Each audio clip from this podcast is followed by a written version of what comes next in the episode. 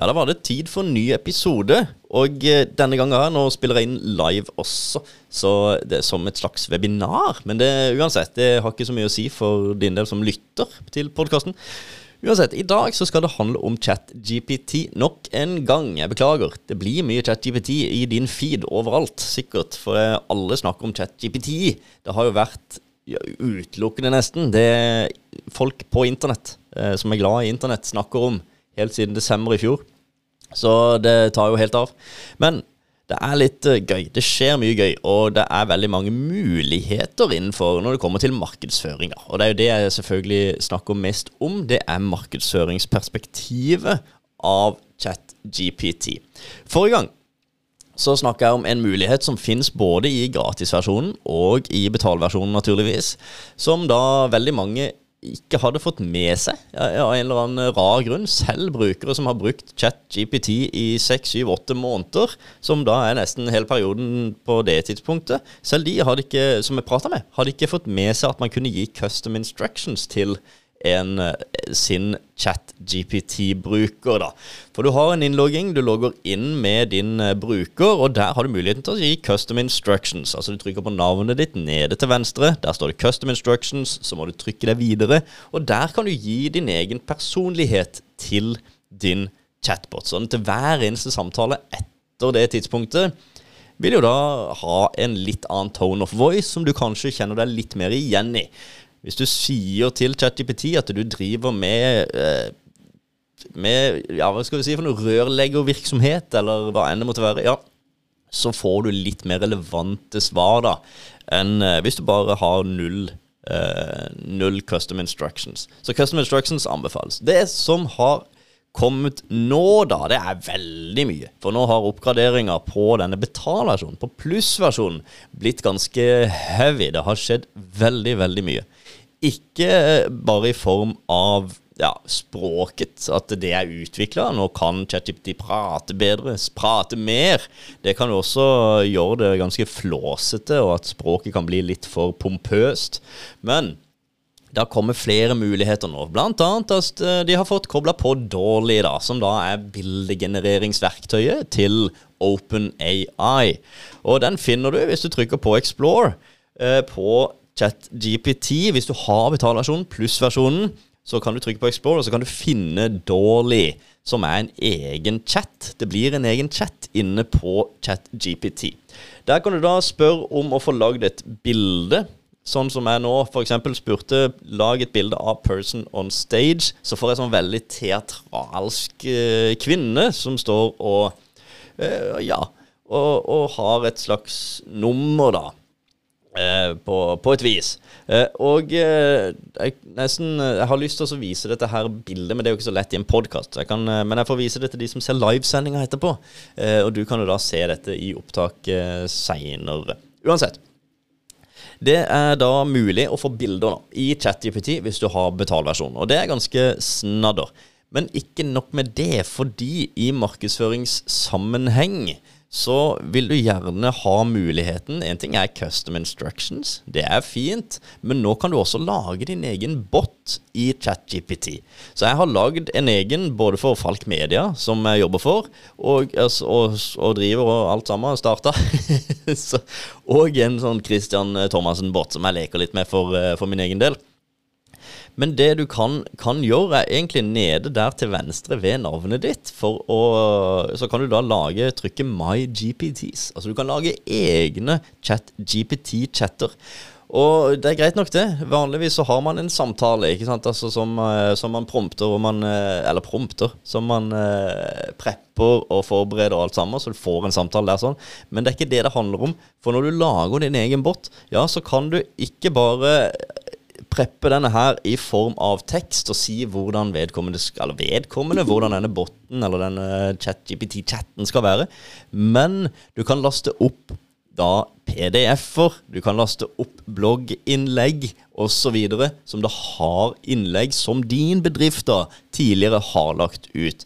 Dette gir jo læring til akkurat denne botten. Sånn at du får litt mer tone of voice, du får litt mat, litt sånn uh, matnyttig innhold. Du får nyere innhold, fordi at ChatGPT er jo læring fra uh, nå er det vel eh, det siste jeg har hørt var fra 2021. Det kan hende at det er litt nyere læring nå, det vet jeg. Akkurat det vet jeg ikke. Men uansett, du kan i hvert fall lære opp din egen bot med helt fersk læring fra din bedrift. Så vær nå litt forsiktig med hva du deler. Ikke del sensitiv informasjon, men altså del litt sånn overordna Eh, læring da, som du har. Sånn som vi f.eks. i Falk Media, så har vi noe som heter Falk Academy. ikke sant? Der har vi masse, masse lærestoff i forbindelse med hvordan du setter opp en annonsekampanje på Facebook og Google og alt sammen. Og vi, vi har på en måte vår tone of voice i dette her. Det har vi lagt inn i den, sånn at dersom vi skal lage et blogginnlegg, et nytt blogginnlegg, eller en sosiale mediepost, eller et eller annet, så kan vi spare med ikke bare ChatGPT, men vår egen bot i ChatGPT, så vi snakker virkelig med en slags digital kollega her. sånn. Og det gjør jo egentlig bare Tone of Voice blir enda mer passende. Det, vi kjenner oss mer igjen i det. Og det er i utgangspunktet at det blir det blir litt mer oss, da. Eh, I tillegg til at det er ja, faktisk content som vi sjøl har lasta opp, da. Og det er det den baserer sin eh, prat på. Så nå er det nesten sånn at jeg bare kan be vår bot om å si, eller spør, si, skriv et LinkedIn-innlegg. Og så får jeg et LinkedIn-innlegg basert på læring som vi har gitt inn, med masse PDF-er og masse greier. Som da selvfølgelig ikke er sensitiv informasjon, men vi har lasta opp læring, sånn at vi får faktisk eh, noe matnyttig tilbake. For oss som byrå så er jo dette her fantastisk, for her kan vi jo lage ja, mye i forbindelse med tone of voice per kunde, f.eks. Uh, og, og alt dette her, sånn at vi får litt uh, matnytte. Her er det en kunde som snakker veldig seriøst, her har vi en kunde som snakker veldig lekent. ikke sant? Og så kan vi på en måte ha dette her i uh, egne båter nedover. Så det er ganske mange muligheter for bedrifter som driver med markedsføring.